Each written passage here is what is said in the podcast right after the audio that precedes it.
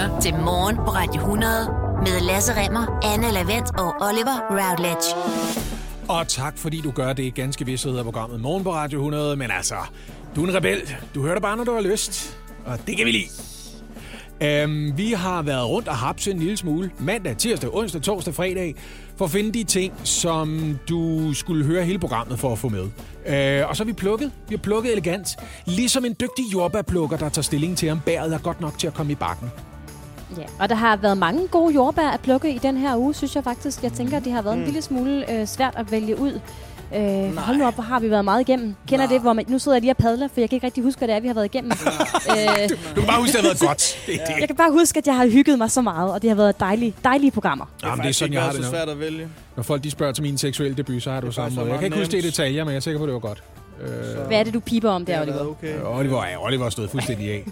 Oliver, han sidder, han har tændt en eller anden form for... Er det en chillum, det der, eller hvad er det, du sidder med? Ja. ja. Ej, jeg, jeg, jeg, man kan godt høre, hvor det er, jeg er i forhold til rekreativ narkoforbrug. Ikke? Øh, dels at jeg siger narkoforbrug, men også at jeg er meget omhyggelig. Min udtale er chillum. Ja. Er det en ja. chillum, du sidder med? Det er en... Jeg har hørt, at det er det, de hedder. Såkaldt chillum, du sidder med. Ej, det er fedt, Ej, du lytter med. Var det nice? Hvad, hold nu op, ja. du sidder med fødderne højere op end din pande lige nu. Hvad er det for en stilling, det der unge mand? Kom nu helt ærligt. Det kan da godt være, at det her det er lidt ja. chill, hedder det det. Men altså, så chilleren bliver det heller ikke. Okay. Nå, men øh, hyg dig med det. Slå dig løs. Hmm? Hvis du har nogle klager øh, til podcasten, så kan du ringe til 70 11 9000. Som altid. Klager til Oliver. 70 11 9000. Rigtig god fornøjelse. Den britiske premierminister Boris Johnson, han vender tilbage til uh, sit arbejde i dag, efter at have været alvorligt syg af coronavirus de seneste uger. En overgang, der var han faktisk også så syg, at han måtte indlægges på en intensivafdeling. Og når Boris Johnson så vender tilbage til regeringen og til parlamentet, så er det en nedslående tal, der møder ham. I lørdags der rundede Storbritannien en trist milepæl over 20.000 omkomne britter her i coronakrisen. Godmorgen til dig, Lille Tejls. Godmorgen. Du er journalist og tidligere korrespondent i London. Og det store spørgsmål her, Lone Tejls, øh, til morgen. Hvad er det for en opgave, premierministeren vender tilbage til i dag? Jamen, han er jo øh, den, der nu skal sætte sig for spidsen af, af hvad skal man sige, hele Storbritanniens beslutning om, hvad de nu gør. Fordi der er ligesom to veje at gå med det her. Der er et enormt pres fra erhvervslivet, det er også noget af det, vi kender hjemmefra. De vil gerne, rigtig gerne, i gang med at få åbnet samfundet øh, tilbage til der, hvor det var. Øh, og så samtidig så skal man jo undgå, at den her smittespredning den øh, går amok. Altså der er meget grimme tal i Storbritannien, som vi selv var inde på. Øh, det er det femte højeste tal i verden. Øh, og der er kritik af Boris Johnson af, at han simpelthen satte ind for sent. Så derfor vil han være ekstra forsigtig med, om han så øh, går med til at lukke op for landet for hurtigt. Hvilken betydning har det haft i øh, Storbritannien, Lone Tegns, at landets premierminister selv har været så hårdt ramt af corona?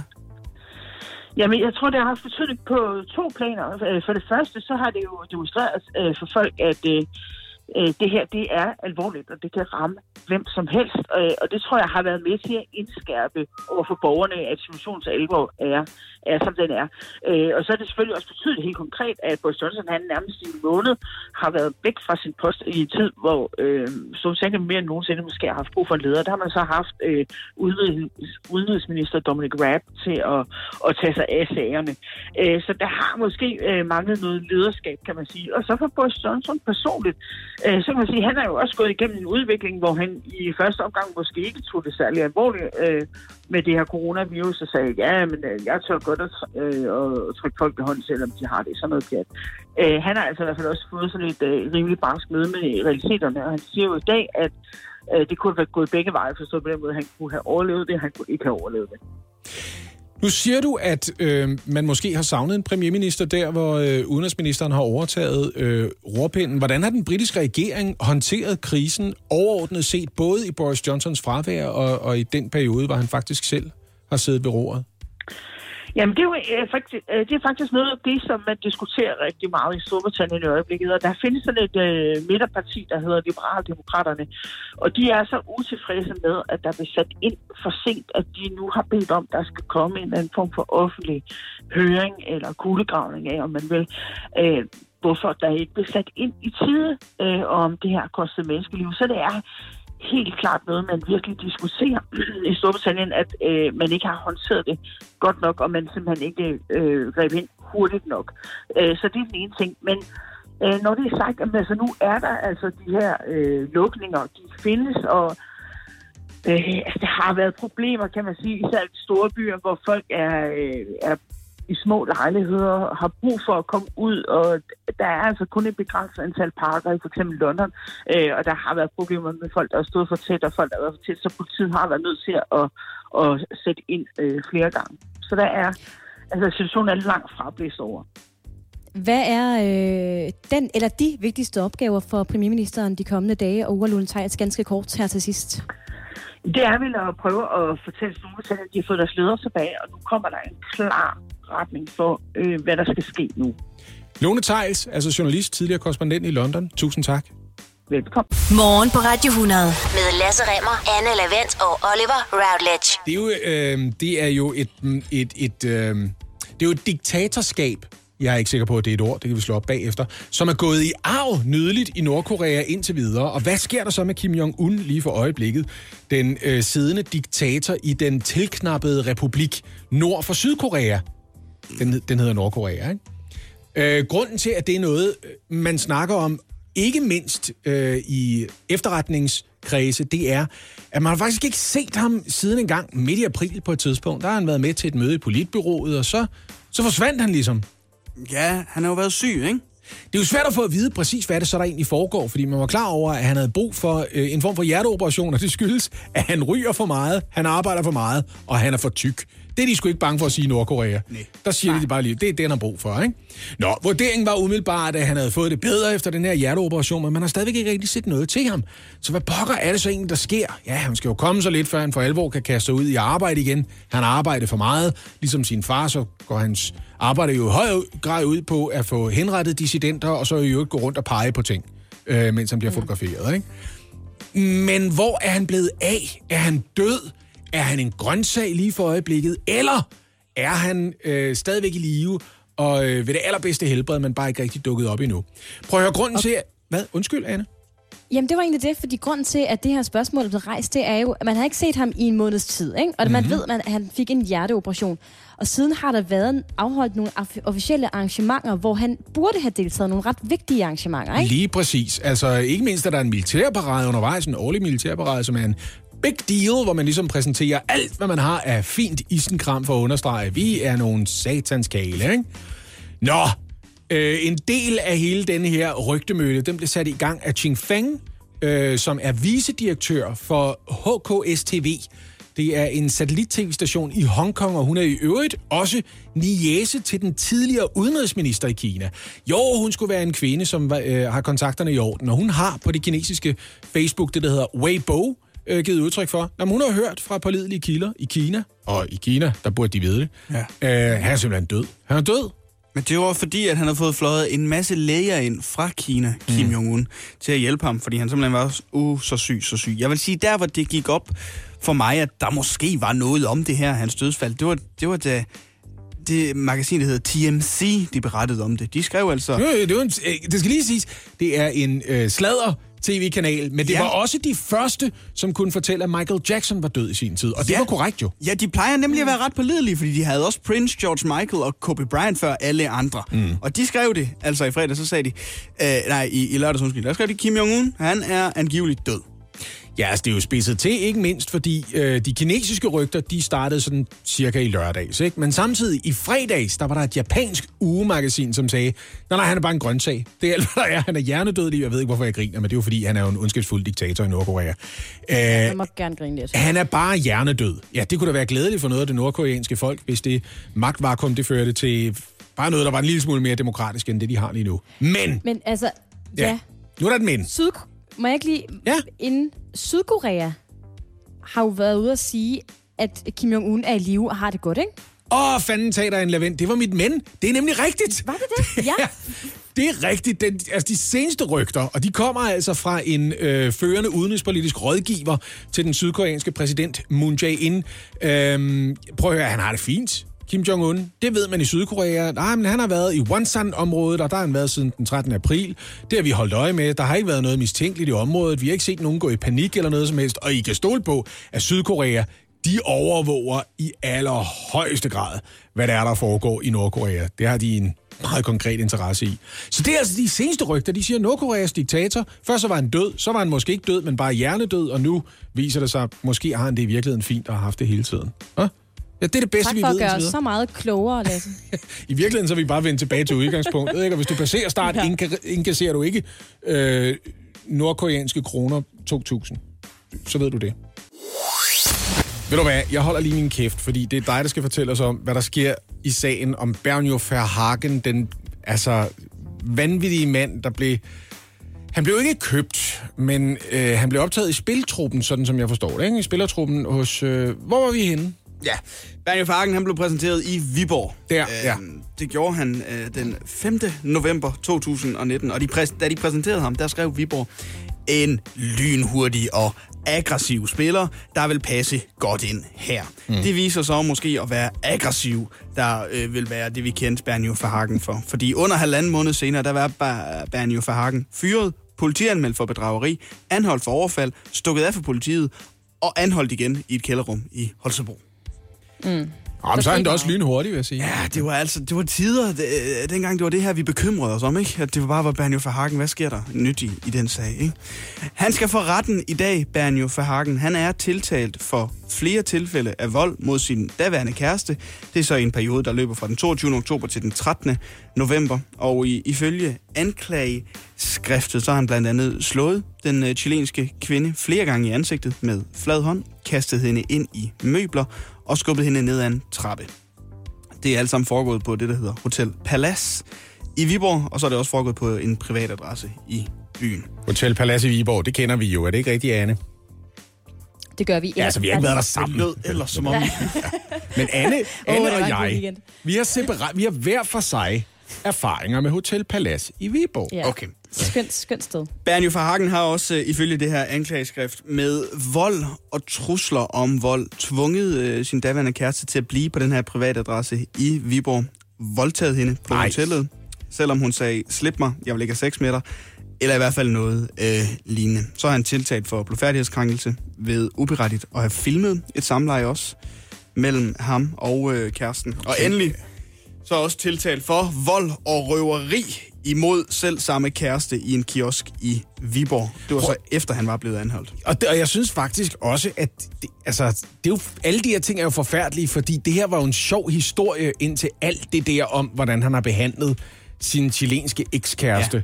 Øh, dukket op. Indtil da, der var sådan, idioter i Viborg, mand. Ja, ja, nemlig de? fordi man havde hentet en spiller, og, og så var Bold.dk begyndt at grave lidt i det, og så begyndte BT at grave lidt i det, så fandt man ud af, okay, han har spillet i fire klubber allerede i år, han har ikke repræsenteret dem en eneste gang, han har ikke spillet en eneste kamp for dem.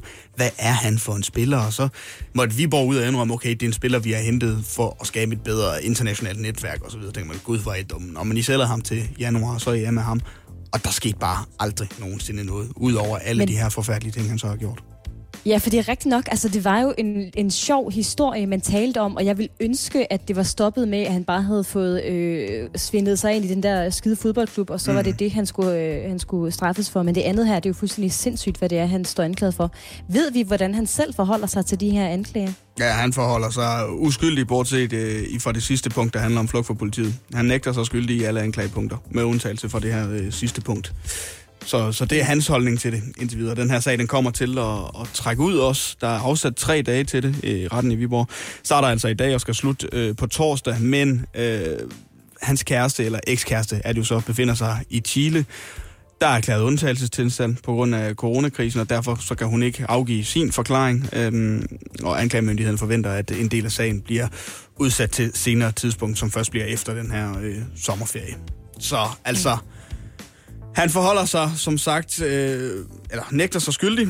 Øh, undtagelse af sidste punkt, som altså var flugt for politiet, hvor han så gemte sig i en kælder i Holstebro. Men altså, en gennemført skiderik på alle ledere og kanter. Han kommer for retten i dag og får efter alt at dømme øh, først øh, sin dom øh, efter sommerferien, når der er tilladt med fly ud af Chile igen.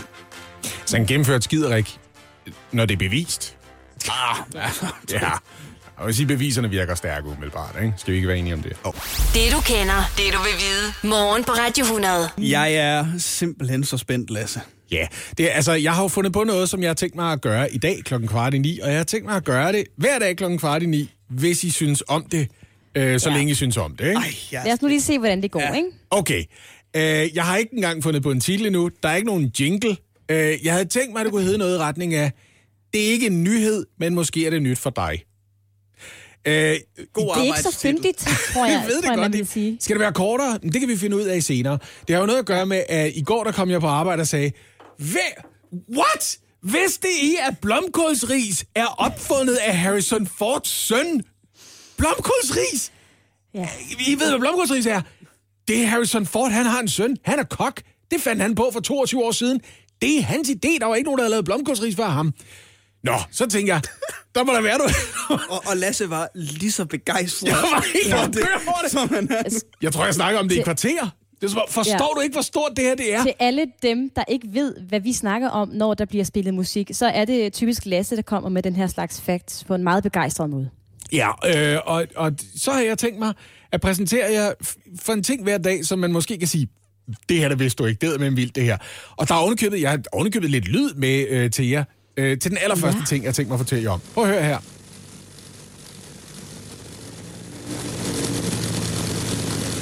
Ja, I kan godt gætte, hvad det er. I kan godt høre, hvad det er. Det lyder som et gammelt propelfly. Det er et gammelt propelfly, det er det. Jeg ved ikke, hvor gammelt det er, men det er et propelfly, det kan jeg fortælle dig. Fordi øh, det her, det er, det er lige så godt som blomkålsris. Det her, det er lyden af den korteste kommercielle, fast programmerede flyvetur i verden. Den korteste tur, du kan købe billet til og blive fragtet fra et sted til et andet. Og indtil videre er vi ikke i luften endnu. Vi er stadigvæk i gang med øh, at taxe hen øh, til startbanen, og nu kommer der fart på, ikke? Øh, og det, I vil høre om et øjeblik, det er en flyvetur, som er programsat til cirka 90 sekunder. Det tager 90 sekunder at tilbagelægge den korteste kommercielle. Det koster 150 kroner, og så flyver du fra Westray til Papa Westray, eller den modsatte vej. Det er to Orkney-øer, altså den her nordlige skotske øgruppe, og, og du flyver 2,7 kilometer, tager halvandet minut, og til gengæld så sparer du en, en tur med en færge, der tager 25 minutter i stedet for. Super hurtigt at komme derover, ikke? Hva? Det tager halvandet minut. Halvandet minut. Øh, rekorden er 57 sekunder. Det er den hurtigste. Ja, der har de haft medvind, ikke? Det taget 57 sekunder at tage turen over. Der bliver ikke serveret kaffe undervejs. Der er ikke noget tax-free eller noget som helst. Kan I regne med, at vi er i luften lige nu? Hvad med, øh, altså, kommer der stadigvæk de her sikkerhedsdemonstrationer øh, demonstrationer inden flyveturen, der tager længere tid end flyveturen? Ja, så de kommer til at tage længere tid end de halvandet minut. Det ville det være. Altså, det ville være før man letter, fordi det er der simpelthen ikke tid til. Der er plads til otte passagerer ombord. De mennesker, der fortrinsvis tager den her tur, det er ikke faste beboere på Westray eller Papa Westray. Der bor cirka 600 på Westray, og der bor under 100 mennesker på Papa Westray. De mennesker, der godt kan lide at tage den her tur, det er tit studerende, der gerne vil over til Papa Westray, hvor der er en del arkeologiske udgravninger. Blandt andet, hold nu godt fast i to, Nordeuropas ældste brugte stenhus, som var beboet for næsten Wow. 6.000 år siden, og stadigvæk står på Papa Westray. Og det er der altså arkeologiinteresserede mennesker, der godt kan lide at tage over og se. Det vil de gerne betale 150 kroner for en... Ja, det er en enkelt billet. Det koster 300, hvis du skal tilbage igen, og det vil du gerne, fordi så meget sker der ikke over på den ø. Vel? Var Papa Men... Westray en person, der blev træt af sin familie Westray, og så flyttede han over til sin egen ø? Nej, nej, det tror jeg ikke. Det tror jeg ikke. Jeg kan, jo, jeg, jeg kan jo godt lidt relatere til det her, fordi jeg har jo rødder i Sønderjylland, og der er faktisk et fly, der flyver fra København til Sønderborg. Alsi Express hedder Ja, det. ja, ja. Øhm, og det tager, det tager cirka 20 minutter, når der, er, når der er medvind. Altså, der er virkelig også forskel der. Og der bliver rent faktisk serveret kaffe ombord, og man skal skynde sig at drikke den kaffe, fordi ja. man når det ikke. Og jeg krydser altid fingre for, at jeg er en af de første, der får serveret kaffe, fordi jeg er lidt en langsom kaffedrikker, ikke? især hvis den er lidt varm. Så der er virkelig store problemer der. Men ja, ja okay. Altså, jeg tænker, at man skal drikke endnu hurtigere på den her flyvetur. Det kan, det kan jeg garantere dig for. Og i øvrigt, øh, hvis du kunne tænke dig at opleve det her, så er det Logan Air, der beflyver den her rute flere gange om dagen. Og det er ikke bare noget, som de sætter penge øh, over styr på at gøre, fordi øh, de fornyede kontrakten i 2013 i konkurrence med et andet selskab, der også gerne vil have lov til at flyve imellem Ej. Westray og Papa Westray. Så, så populært er det. Prøv at høre, hvis I kunne lide det her, så kan I godt glæde jer til i morgen, for jeg tænker mig at gøre det her hver dag, indtil I tryller mig om at holde op med at gøre det. Ja. Hva? Kan vi lide det, Hanne? Ja, I kan. Kom nu! Jeg kunne faktisk meget godt, jeg kunne faktisk meget godt lide det. Giv Jeg en- synes, det var dejligt. Giv mig en chance til. Okay, du får en chance. Fedt. Oliver, han har lovet os noget quiz, og du kan deltage, hvis du lægger vejen forbi radio100.dk på Instagram, fordi du har lige smidt den vare, vi skal gætte prisen på op i story, og du er nødt til at forklare en lille smule bedre. Ja. Hvad er facit? Hvorfra ved vi, hvad den rigtige pris er? Og så videre, ikke? Jo. Og jeg smider lige noget øh, tv-køkken Det er lækkert. på. Ja. Vi skal nemlig til sådan en lille lyleg. Jeg har pynset på den i et stykke tid, men den er ikke blevet til noget. Nu er det dog dagen, hvor jeg synes, den er klar. Jeg er klar. I er klar til, at den skal se dagens lys. Vi skal til, hvad er det værd? Quizzen. Det er så simpelt. Jeg har været inde forbi, i denne omgang er det Den Blå Avis. Det kunne også være andre steder, hvor der bliver solgt ting og sager. For der bliver solgt mange lækre ting herinde. Og for at finde dagens sælger, så skal vi en tur til Ringsted. Yes. Vi siger jo godt, at man godt kan ringe fra Ringsted til Tisted, men man kan ikke tisse fra Tisted til Ringsted. Så er vi i gang! Yes! Altså, altså hvis, hvis, hvis, man, altså, hvis man doserer Nej. urinen rigtigt, og man sidder Nej, nej, i tog, nej. så kan man jo tisse på turen fra Tisted. Hvad er det, jeg kigger på her, Oliver, inde på vores Radio 100.dk Ja. Instagram? Jeg vil gerne have, at I kigger på det samtidig, nemlig. Fordi mm. Det, der ligger i storydan, er et billede af en ring, som Jesper sælger. Useriøse henvendelser, svar sikre tur, starter han med at skrive. Ringen til den helt store FCK-fan. Og få noget, som absolut ingen andre har. Det kan der jo være en grund til nogle gange, ikke? En 14 karat massiv herre guldring med FCK skrevet i diamanter. Mm-hmm. Den er specielt lavet hos en smykkedesigner i Tostrup for cirka 12 år siden. Spørgsmålet er, hvad er den værd? Uh, ja. Okay, så du siger, det her det er... Er det hvide guld, det, det guld. ligner det? Det er, Og diamanter. der bliver, det er guld og diamanter, ja. Ja. 14 karat massiv herre guldring og FCK skrevet i diamanter. Og så er der gået, hvad, jeg tæller en 30 små diamanter eller sådan noget til at skrive FCK. Altså, jeg vil godt dele nogle oplysninger med min modstander, øh, Anne. Jeg ved tilfældigvis, ja. at små diamanter i dårlig kvalitet, de koster ikke en skid. De koster sådan noget 6-8 kroner stykket eller sådan noget i, i en Ja. pris. Jeg, Øh, jeg, jeg, den, jeg synes, den ser lidt billig ud. Jeg ved ikke helt... Øh, øh, det ligner lidt noget, man kan på. købe.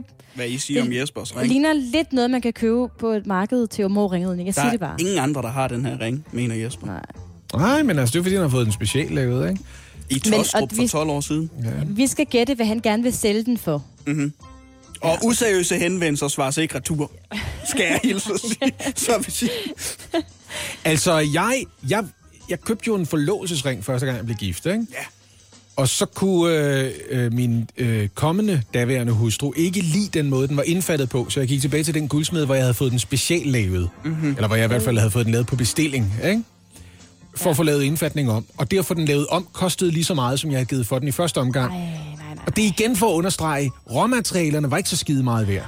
Jeg synes, så. I på trods, af, padler- på trods af, at stenen var sådan noget, det var sådan en halv karat eller sådan noget. Diamant er ikke en skid værd, det er bare det, jeg prøver at sige. I padler rundt omkring det, Ja. som vi alle sammen Okay. ønsker et svar på, nemlig hvad, Hvad er den værd? denne specielle FCK-ring værd?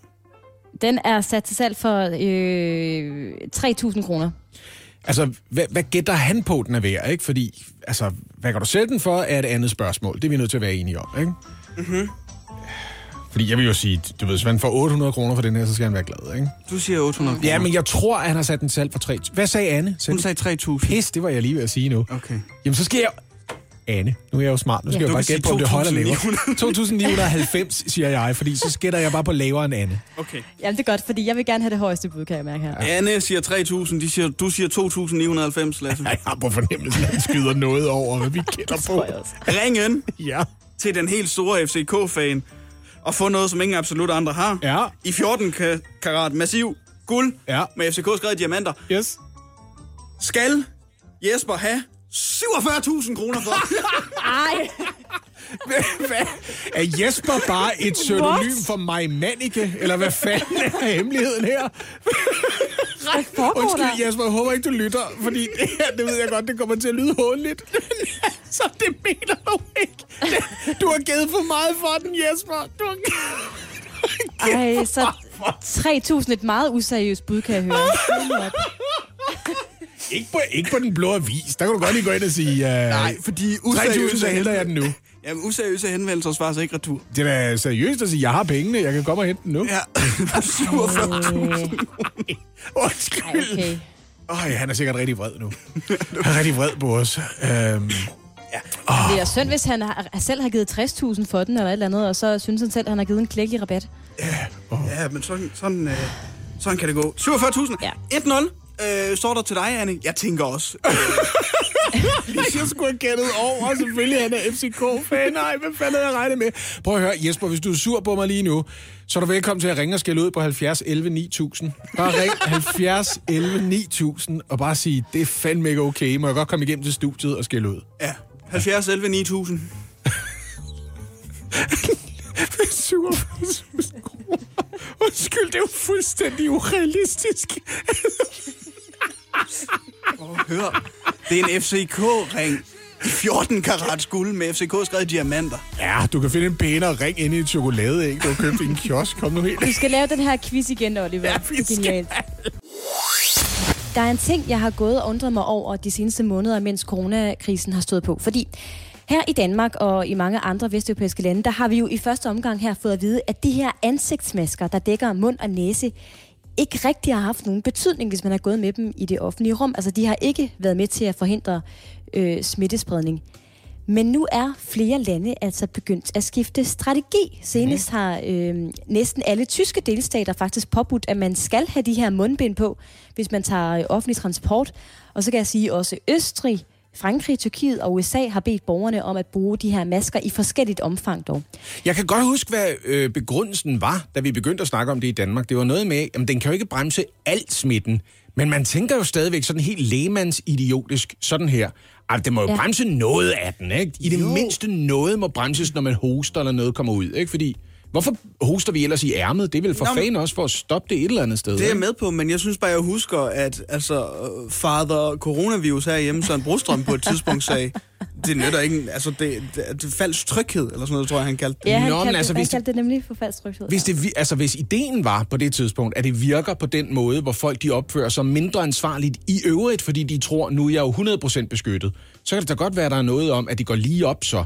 Men hele tanken om, nej, nej, nej, altså de her partikler er for små til, at de kan stoppes af de her mundbind, så tænker jeg, jamen nogle af dem må da stadigvæk lige blive fanget. Altså, ja, Ja.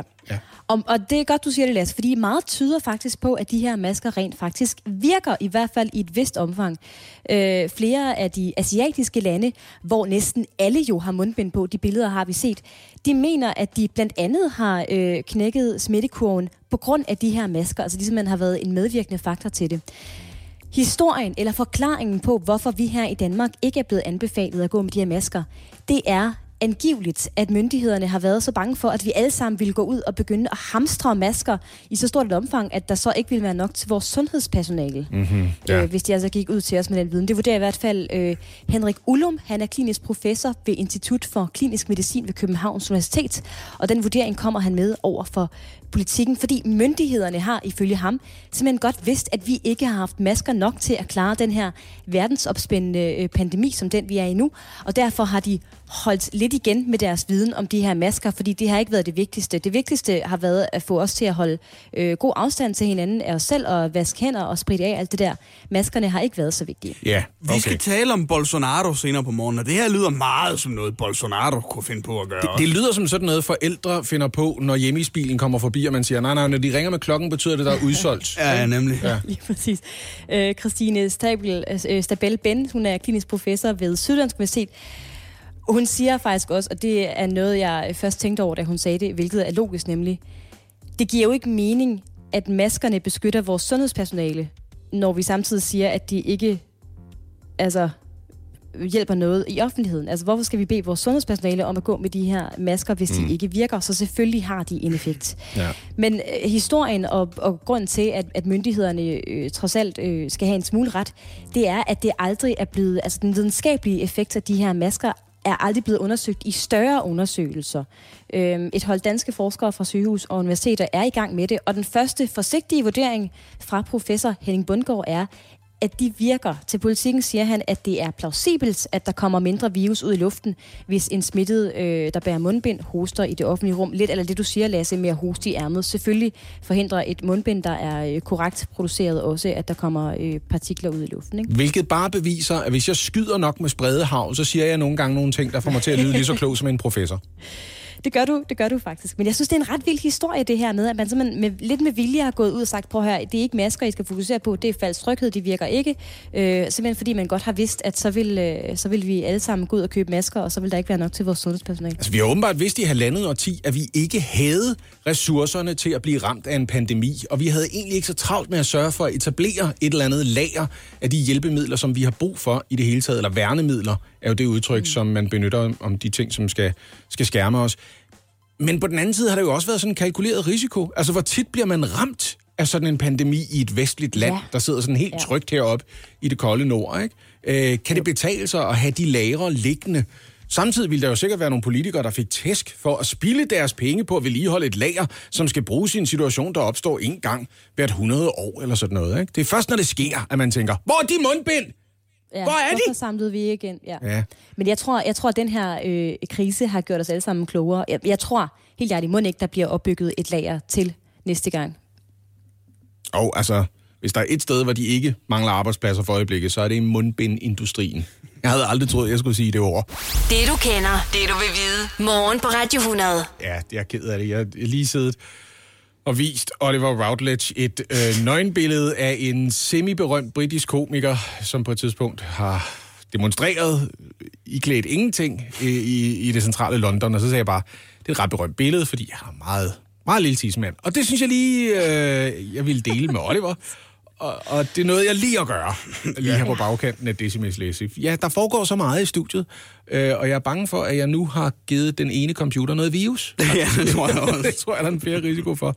Nå, men det er jo heller ikke det, vi skal snakke om. lige. Nej, det skal vi ikke. Øhm, for det er ingen hemmelighed, at øh, som, som det ser ud nu, så sommeren næste år kan blive en ret vild en af Sachsen for os danske sportselskere. EM 2021, Tour de France start i 2021, alt sammen i Danmark, øh, starter i København, og på papiret skidehammerne fedt.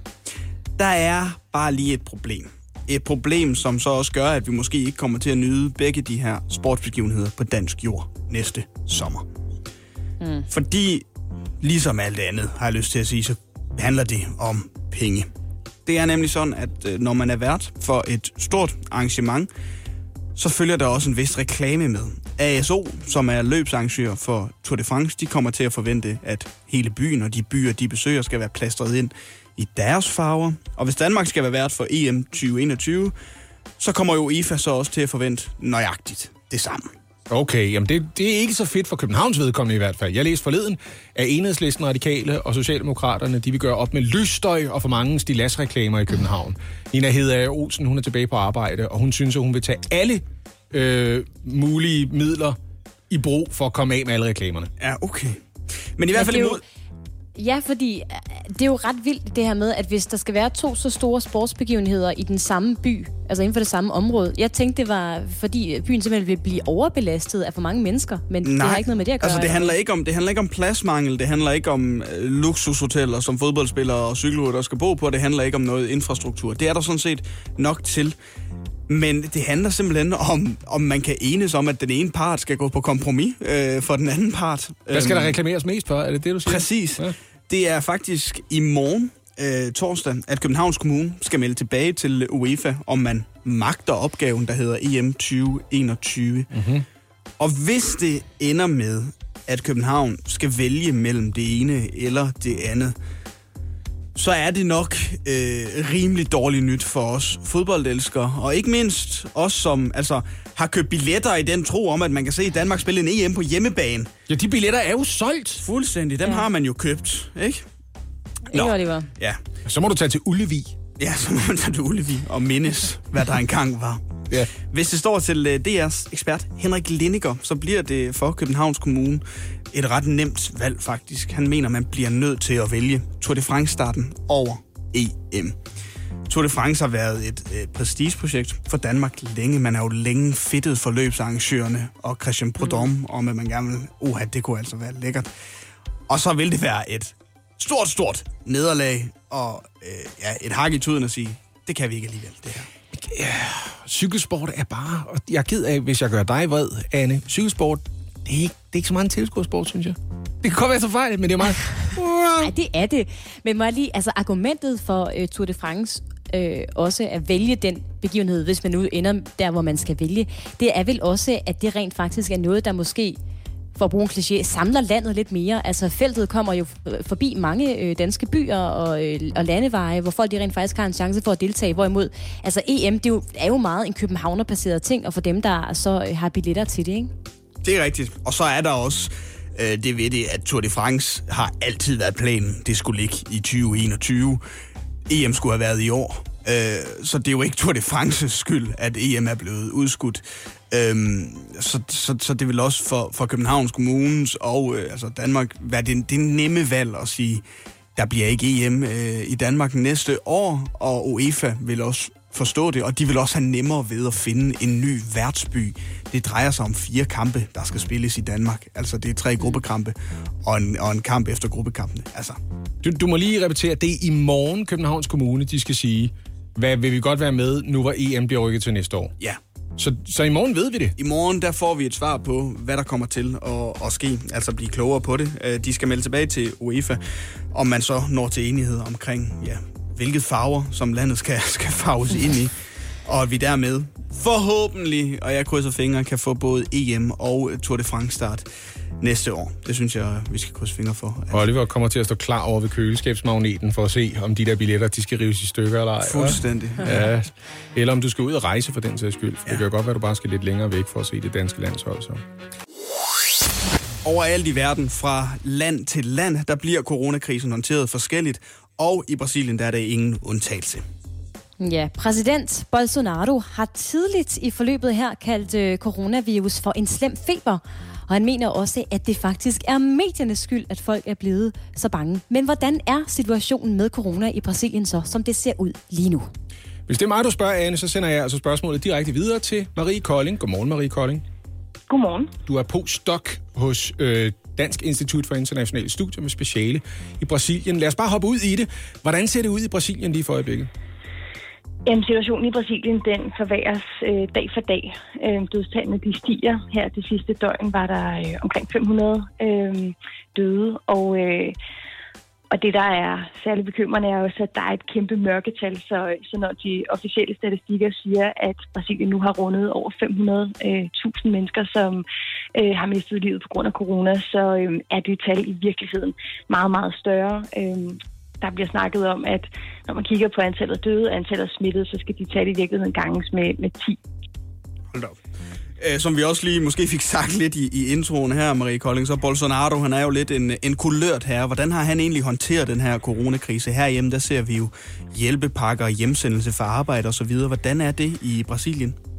Ja, hans øh, håndtering kan måske bedst betegnes ved øh, sådan, den manglende håndtering. Ikke? Altså, han har faktisk ikke øh, rigtig gjort noget for at, at håndtere den her krise. Det er det, er det der, der blandt andet også er med til at gøre, at den bare får lov til at blive ved med at, at eskalere. Ikke? Og rundt om i landet øh, er der hospitaler nu, der har noget bristepunktet og ikke har flere pladser. Der mangler, der mangler værnemidler, og mange steder mangler der læger. Øhm, da han blev spurgt i går på et pressemøde til det her øh, meget bekymrende høje dødstal, så siger han ja og hvad så? Hvad vi her skal gøre? Øhm, så han har, øhm, han har virkelig ikke udvist nogen særlig øh, vilje eller evne til at, at håndtere krisen, netop også som I, I sagde i, i indledningen her, at han, øh, han bliver ved med ligesom at negligere den og, og tale det ned, som om, at det er jo bare en, en influenza, og jo skal vi jo alle sammen dø en dag og sådan noget, ikke? hvad han nu ikke ellers har fået sagt øh, i, i de sidste to øh, måneder her, mens krisen har stået på. Men hvad så med den øh, brasilianske befolkning? Altså tager de det her virus seriøst? Det gør de. Øh, langt de fleste brasilianere er, er meget, meget bekymrede, og derfor bliver de også glade for, at øh, deres guvernører og borgmestre øh, langt hen ad vejen ikke følger på Sonatos linje. Øh, mange af dem har jo øh, beordret folk til at blive hjemme, holde afstand osv. Øh, og det er også det, øh, de fleste brasilianere forsøger at gøre. Øh, så altså, det er det, der også har skabt den her store politiske krise, det er, at der er egentlig ikke særlig mange i Brasilien, der er, der er enige i, i præsidentens øh, måde at håndtere det her på. Han er jo en kontroversiel skikkelse, må man sige, Bolsonaro. Han har øh, sagt en del opsigtsvækkende ting om kvinder og om homoseksuelle. Han har shoppet rundt blandt partier, og ovenikøbet forladt det parti, han blev valgt for, for ligesom at øh, sidenhen stifte sit eget lidt mere populistiske parti. Hvad, hvad er egentlig øh, de største problemer for Bolsonaro lige i øjeblikket? Jamen, han har øh, kastet sig ud i enormt mange øh, stormvejr her øh, de sidste par måneder, så, så problemerne er mange. Øh, et af dem lige nu er, at der er massiv pres fra hele det politiske spektrum for at få ham til at træde tilbage, hvilket han ikke har tænkt sig at gøre. Øh, det kan han så blive tvunget til at gøre, øh, hvis der bliver sat en rigsretssag i gang mod ham. Og lige nu ligger der hele 29 anklager om rigsretssager og venter på potentielt at kunne blive sat i gang. Og det er altså kongressen, der afgør, om man skal sætte en rigsretssag i gang. Øh, og hvis det sker, så, så vil han jo så altså kunne blive tvunget til at træde tilbage. Så Bolsonaro han har 29 problemer, og corona er kun ét, kunne man sige. Marie Kolding, postdoc ved Dansk Institut for Internationale Studier med speciale i Brasilien. Tak skal du have. Jamen selv tak. Nå, nu skal I høre, jeg har jo hver dag lovet jer at gøre det til en tradition, at jeg fortæller jer noget, som måske ikke er en nyhed, men det kan være det nyt for jer. Og jeg ved godt, at vi diskuterer, hvad skal det så hedde, det øjeblik, hvor jeg lige finder noget frem. I går der fortalte jeg om den korteste kommercielle flyrute i verden, 2,7 km. Den er øh, sat til at tage 90 sekunder, men rekorden er 57 sekunders flyvetur. Der er ikke tid til at servere kaffe, eller noget som helst overhovedet på den rejse. Øhm, der er ikke, nej. Ja, men jeg var imponeret, fordi jeg, jeg anede ikke, hvad det var. Nu skal I høre, vi skal, vi, skal, vi skal til Georgien i dag, og ikke til Orkney-øerne, som vi var i går. Er I friske på det? Ja, selvfølgelig. Ja, tak. Godt. Øh, på georgisk har jeg opdaget, der har man et ord, øhm, og, og, og jeg vil godt bede om at gentage det efter mig, så ser vi, om vi ikke kan finde ud af udtalen i fællesskab. Scemomeggiamo. Scemomeggiano. Ja, det lyder lidt italiensk. Scemomeggiamo. Ja. Scemomeggiamo. Ja, Scemomeggiamo. Det, jeg har sagt på georgisk lige nu, det er, jeg kom ved et uheld til at spise det hele. Ah. Uh. det er ikke et fedt ord at have. Hvad, øh, hvad, hvad blev der af de der chips, vi havde skabet? Shemo med jamo. Shemo med jamo. Ja. Hvorfor er der ikke mere chokolade? Det har manglet hele mit liv. Shemo med jamo. jeg, jeg kom til at æde det. Jeg, kan, jeg kunne ikke styre det, da jeg først havde åbnet posen. Det er en fejl. Jeg ved ikke, hvad jeg har gjort. Var der ikke noget kylling tilbage fra i går? Shemo med jamo. Shemo med jamo. Jeg er ked af det. Det viser sig, at øh, georgisk er skruet sammen på en måde, øh, grammatisk, så man i det hele taget kan lave verber, så, øh, så de betyder, jeg kom ved en fejl til at... så du kan gøre det med alle mulige ord. Det mest kendte af de ord er Shemo Mejamo. Men der findes også et ord, der for eksempel betyder, jeg kom til at slå ham ihjel. For eksempel, det var en fejl. Det var en kæmpe fejl. Altså, du kan sætte det sammen med stort set et hvilket som helst verbum, og så skabe et ord. Det begynder bare med Shemom, og, og, så, og så bliver ordet til, jeg, jeg kom ved en fejl til at pille næse, mens andre kiggede. Shemo Mediano, den vil jeg bruge. Er den ikke god? Jo, den er rigtig god. Shemo Mediano. Mm. Det er fedt i hvert fald en gang mellem bare lige at støde på et ord, hvor man tænker, altså vi kunne jo bare overtage det, ligesom engelsktalende lande har overtaget øh, ombudsmand for eksempel, ikke? De kan godt lide at sige ombudsman. Så vi kan bare begynde at sige det på dansk. Eller og så hygge. Det ja, eller hygge for ja. den sags skyld, ikke? Sig det efter mig. Shemo Mediano. Ja, det var før mig, men ja. Shemo Mediamo. Shemo Mediano. Shemo Mediamo. Ej, mand. Jeg, jeg, synes, vi skal, jeg synes, vi skal gøre det til et dansk ord. Er I frisk på det? Meget. Helt enig. Jeg kommer til at bruge det konstant. Hjælp en, du holder af med at tage det første skridt til bedre hørelse. Få et gratis og uforpligtende hørebesøg af Audionovas mobile hørecenter. Så klarer vi det hele ved første besøg, tryk dig nemt i eget hjem. Bestil et gratis hørebesøg på audionova.dk eller ring 70 60 66 66. Fra nu af, kan jeg mærke.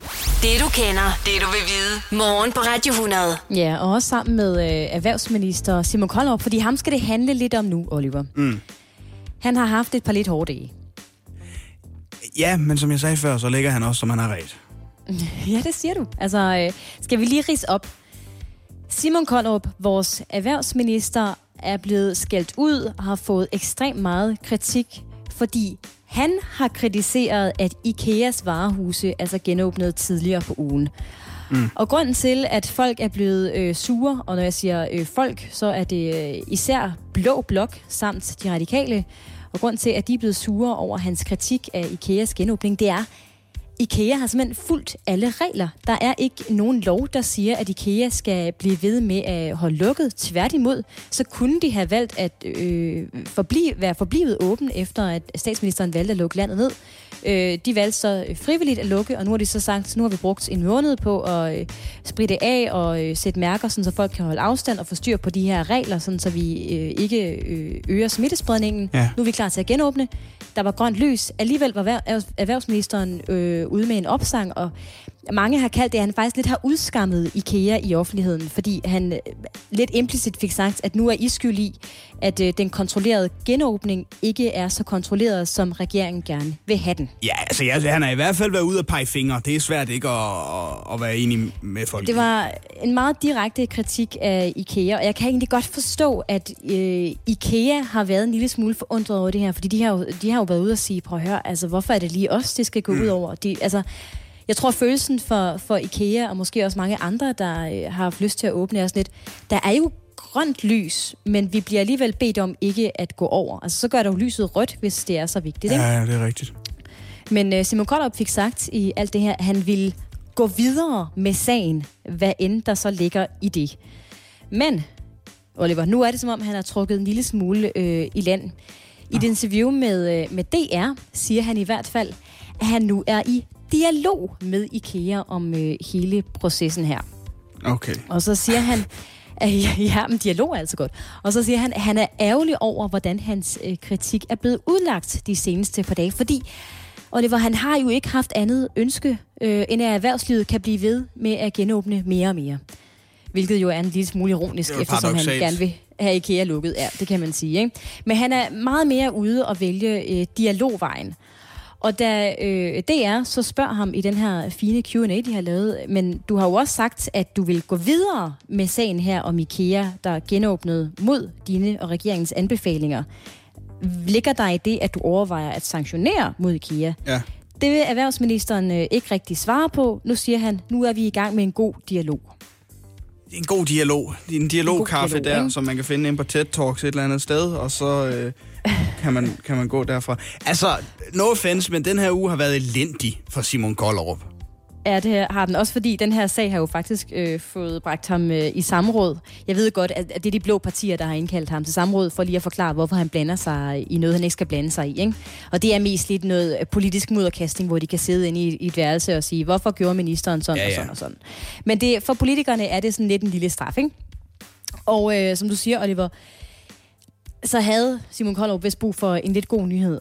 Og der vil jeg sige, der øh, i går havde han fat i en sag, der faktisk øh, ser en lille smule god ud for ham. No. Han har nemlig valgt at gå ud og sige, at øh, han og regeringen fremrykker udbetalingen fra de hjælpepakker, som de selvstændige har søgt her i krisen.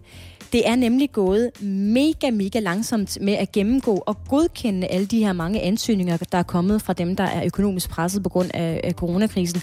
Og mange af dem har været i, ja faktisk, øh, decideret alvorlig fare for at gå konkurs her ja. 1. maj, hvis det pengene blev betalt. Men det var fordi, man valgte at sige, at man sådan skulle kontrollere øh, virksomhederne, den, inden de fik dem udbetalt. Ja, man har tænkt, og det er jo klogt nok lige at finde ud af, ja, hvad vores ja, ja. Øh, allesammens penge, øh, penge går til, ikke? men der er simpelthen gået for lang tid med det. Så nu har erhvervsministeren sagt, prøv at øh, dem, der har søgt, I får pengene inden 1. maj, det vil sige øh, inden i morgen, og så kontrollerer man på bagkant. Så dem, der måske ikke har haft ret til at få de her penge de, fra hjælpepakkerne udbetalt, de bliver så venligt bedt om at, øh, at betale tilbage efterfølgende, hvilket måske er en meget god måde lige at løse det på. Det du kender, det du vil vide. Morgen på Radio 100. Der er jo stadigvæk et præsidentvalg i november. Og det virker som om, at øh, coronakrisen kun måske har gjort noget godt for Joe Biden, i hvert fald i hans håb om at blive den almægtige leder af den frie verden. I hvert fald i Var det fordi, han var den, der gik ud og sagde, at man ikke skal drikke rengøringsmiddel? Ja, lige præcis. Det er jo en fordel lige at have den holdning. Ja. Yes, øh, det tænker jeg også. Ja. I går der kom der et øh, par store nyheder ud fra hans øh, kampagne. Først og fremmest fra demokraternes seneste præsidentkandidat, Hillary Clinton. So I want to add my voice to the many who have endorsed you uh, to be our president. Think of what it would mean if we had a real president, not just somebody who plays one on TV, but somebody who gets up every morning worried about the people that He's responsible for leading during this crisis. Yes, Hillary Clinton simpelthen ude med sin støtte til Joe Biden der, og selvfølgelig en sviner til Donald Trump. Sådan skal det Naturligvis, være. ja. Og så hør og bør. øhm, blev det også bekræftet i går, at USA's tidligere ambassadør til Danmark, kan du huske ham, Anne? Rufus Gifford. jeg kan godt huske. Alle kan huske Rufus Gifford. Ja, det er rigtigt. Alle kan nemlig huske Rufus. Nå, men han får et topjob i Bidens kampagne også.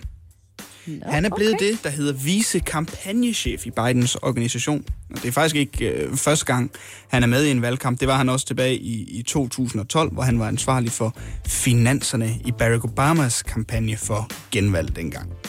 Nå, nå, nå. Ja, så føler jeg jo lidt med Rufus Gifford, at vi på en eller anden måde har en, øh, i Danmark lidt en aktie i øh, den amerikanske valgkamp, ikke? Altså, Og der Rufus kom, Gifford. der kom danskervinklen. Ja, altså der, øh, der var den. Ham, ham har vi godt nok været glade for. Er du så færdig? Men alt virker jo umiddelbart som altså guld og grønne skov for, for Biden. Trump klarer det knap så godt i meningsmålingerne for tiden, fordi at det går helvedes til med økonomien. Biden får opbakning fra alle ledere og kanter i det demokratiske USA. Mm. Eller gør han så det, Anne? Gør han ikke det? Fordi det er måske heller ikke helt tilfældigt, det her, at specielt Hillarys støtte kommer netop nu. Fordi dagen for inden, at Hillary hun erklærede sin støtte, der begyndte anklagerne om Joe Bidens angivelige seksuelle overgreb nemlig også at tage til.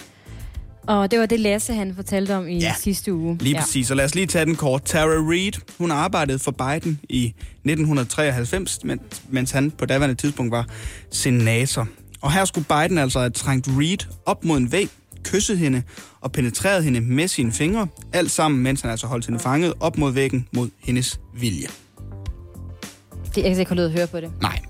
Så det må ses alt andet lige, kan man så sige, som en lidt af en gave til Joe Biden, at den mest succesfulde kvindelige politiker i amerikansk historie og en verdenskæmpe forkæmper for kvinders rettigheder, så kommer ud dagen efter de her anklager, de tager til, og holder hånden over Biden med sin støtte til ham. Ja, det kan man jo sige. Og jeg skal lige være med, altså Biden har stadigvæk ikke rigtig ville kommentere på de her anklager. Nej, og det er også derfor, jeg siger, at det måske ikke helt er guld og grønne skov, fordi det er måske ikke alle i det, det demokratiske USA, der synes, at han gør det skide godt, fordi selv demokratiske, venlige medier, hvis man kan sige det sådan i USA, det har man jo derovre. Man har simpelthen dem, der er ja. republikanske medier og demokrater. De er også ude at sige nu, selv de demokratiske medier er ude at sige, prøv at høre, Joe, du bliver nødt til lige at komme med en forklaring. Og ja. Der skal være et eller andet, du kan sige til os. Og det er jo også altså, et øh, ret stort sats for Hillary Clinton der, fordi hvis man nu graver lidt mere i det her, og det viser sig, at Biden rent faktisk har gjort det her, Ja. altså, og hun har været ude og støtte ham på trods af det, altså det er jo heller ikke skide godt for Hillary Clintons rygte, tænker jeg. Det er det overhovedet ikke. Så øh, altså, det er et, et sats for Hillary Men- Clinton. Ja, men altså okay, i forhold til vælgerne og sådan noget, altså øh, Trump blev jo valgt, og han har jo øh, virkelig heller ikke været øh, øh, øh, Guds bedste barn i Nej. forhold til sådan nogle ting der. Morgen på Radio 100 med Lasse Remmer, Anne Lavendt og Oliver Routledge. Og du kører jo øh, stadig på arbejde om morgenen, Oliver, når du skal ud i vores øh, studier øh, lidt uden for København. Hvordan er stemningen på vejene lige for tiden? Jeg tænker, der ikke er så mange andre biler, eller hvad? Nej, altså der er flere biler, synes jeg, nu, end der var for øh, ja, tre uger siden. Mm. Og Øh, jeg opfører jer ordentligt. ja, men det, ja, det gør man jo, fordi vi, vi, øh, det er ingen hemmelighed, det her studie, det ligger øh, lige uden for Herlev Kommune, så vi har alle sammen fornøjelsen af at køre på Herlev Hovedgade, hvor jeg, jeg tror i morges, der var jeg oppe at køre omkring 800 meter, uden der var vejarbejde. Og det var jo, det jo, det jo en, rimelig ny rekord, kan man sige. Så, øh, så man kan ikke undgå at Okay. køre ordentligt, vil jeg sige. Men grunden til, at jeg spørger, det er, øh, vi er simpelthen åbenbart efterhånden blevet så hårde og vrede på hinanden, når vi kører øh, på vejene, at et dansk forskerhold simpelthen er begyndt at forske i det fænomen, der hedder vejvrede på dansk, road rage, lidt mere kendt øh, på engelsk, Ja. for at finde ud af, hvordan vi kan blive mere rummelige, når vi sætter os øh, ind bag rattet, fordi vi simpelthen åbenbart har en tendens til at blive rasende på hinanden, og ikke mindst øh, ja, de andre trafikanter, der alle sammen er nogle idioter. Det kan jeg jo meget godt lide, det her, at man lige vælger at sige, øh, forsker, do your thing. Lige præcis. Hvad gør vi ved det her? Ja. Øh, projektet hedder, meget passende synes jeg, Relax. Og det er Danmarks Tekniske Universitet, der står bag. Og tesen øh, for det her forskerhold har ligesom været, hvis vi skal blive sødere ved hinanden i trafikken, så er vi nødt til at, så er vi nødt til at finde ud af, hvad det er, der øh, trigger os. Hvad det er, der gør os mest sure, når vi Okay, kører. ja. Har, har, har, ved man så det? Uh, Ja, fordi, og det er ret interessant, det her. Noget af det mest interessante ved, ved det her forskningsprojekt, det er, at mænd og kvinder, Oliver, åbenbart bliver rasende over helt forskellige ting. Og nu sagde du jo øh, lige før, at du har det med at blive sur over, at folk øh, ligger og kører i venstresporet, eksempelvis på motorvejen, ikke? Jo, lige præcis. Ja.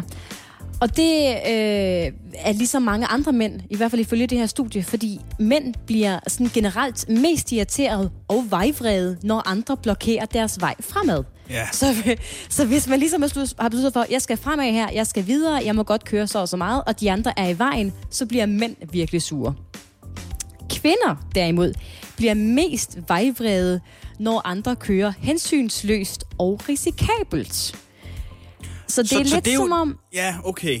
Så, men Ja. jeg nævnte jo også to ting, da du spurgte mig for en 10 minutters tid siden, Anne. Jeg nævnte, at det irriterer mig, når folk de blokerer min vej, eller at de i hvert fald øh, holder sig til venstre vejspor, for eksempel. Ikke? Yes, yes. Og så synes jeg jo også, det er hensynsløst, når man ligger sådan og slinger fra vejbanen til vejbanen øh, i en og træsbåd, det for er eksempel, inde i hensynsløst byen. og risikabelt. Og det er ja. hensynsløst risikabelt. Så jeg er både en mand og en kvinde der. Ja, jeg er, jeg er jo journalist, og jeg er skarpvinkler og siger, øh, vi sætter dig på mandeholdet. Og jeg bliver, altså, jeg bliver, jeg bliver klart mest rasende, når jeg kører apropos på motorvejen og er i gang med at overhale øh, og ligger i venstre spor, fordi jeg er i gang med at overhale, så jeg må gerne ligge i venstre spor. Og der så kommer en eller anden øh, Brian-type bagved, du kender typen, ikke? Jo. Der øh, kører helt op i, øh, i numsen på min lille Peugeot 107, fordi han tænker, du skal fremad, hvorfor kører du ikke 150 km timen, når du overhaler, ikke? Mm. Øh, der bliver jeg rasende, og der kan jeg godt mærke, der får jeg lige lyst til at, at træde lidt let på bremsen at køre endnu langsommere, mens jeg overhaler. Anne! Jeg gør, jeg, jeg gør det ikke, fordi det er- er super irriterende at være ja. sådan en type. Øh, så jeg gør det selvfølgelig ikke. Men et af kærleelementerne er, øh, og grunden til, at vi bliver øh, raste på hinanden i trafikken i stigende grad, mener det her forskhold, det er, at vi i grundreglen tror, at de andre kører hasarderet eller irriterende med vilje. Altså, vi antager simpelthen, at de gerne vil genere os, og så tænder vi af. Og det er jo ikke altid det, der er tilfældet. Nej, det er det vel ikke. Nej. Altså, Men, Men, det, er øh, jo ikke, det, er, det er jo ikke min intention, for eksempel, at, at være irriterende, når jeg overhaler en, og så måske lige bliver derude i 100 meter længere tid. Hvis du ved. Hvis, hvis, hvis hjernen lige er et andet sted. Ja, og jeg tænker, hvis jeg nu ligger og er i gang med at overhale øh, med 130 km i timen, og der kommer en bag ved mig, med, der kører med 150 km i timen, og kører helt op i numsen på mig, så tænker jeg, han gør det formentlig ikke for at irritere mig, han gør det måske bare, fordi han ikke rigtig gider at trykke på bremsen, eller han ikke lige overgår at sætte farten så meget ned. Eller noget i den retning. I don't know. Hvad gør, hvad gør man? Det lyder totalt dumt. Hvad gør man ved det her, spørger du så. Ja, jo, tak. DTU øh, har indkaldt en række mennesker, der simpelthen har haft problemer med vejvrede, og så kom de i en form for gruppeterapi.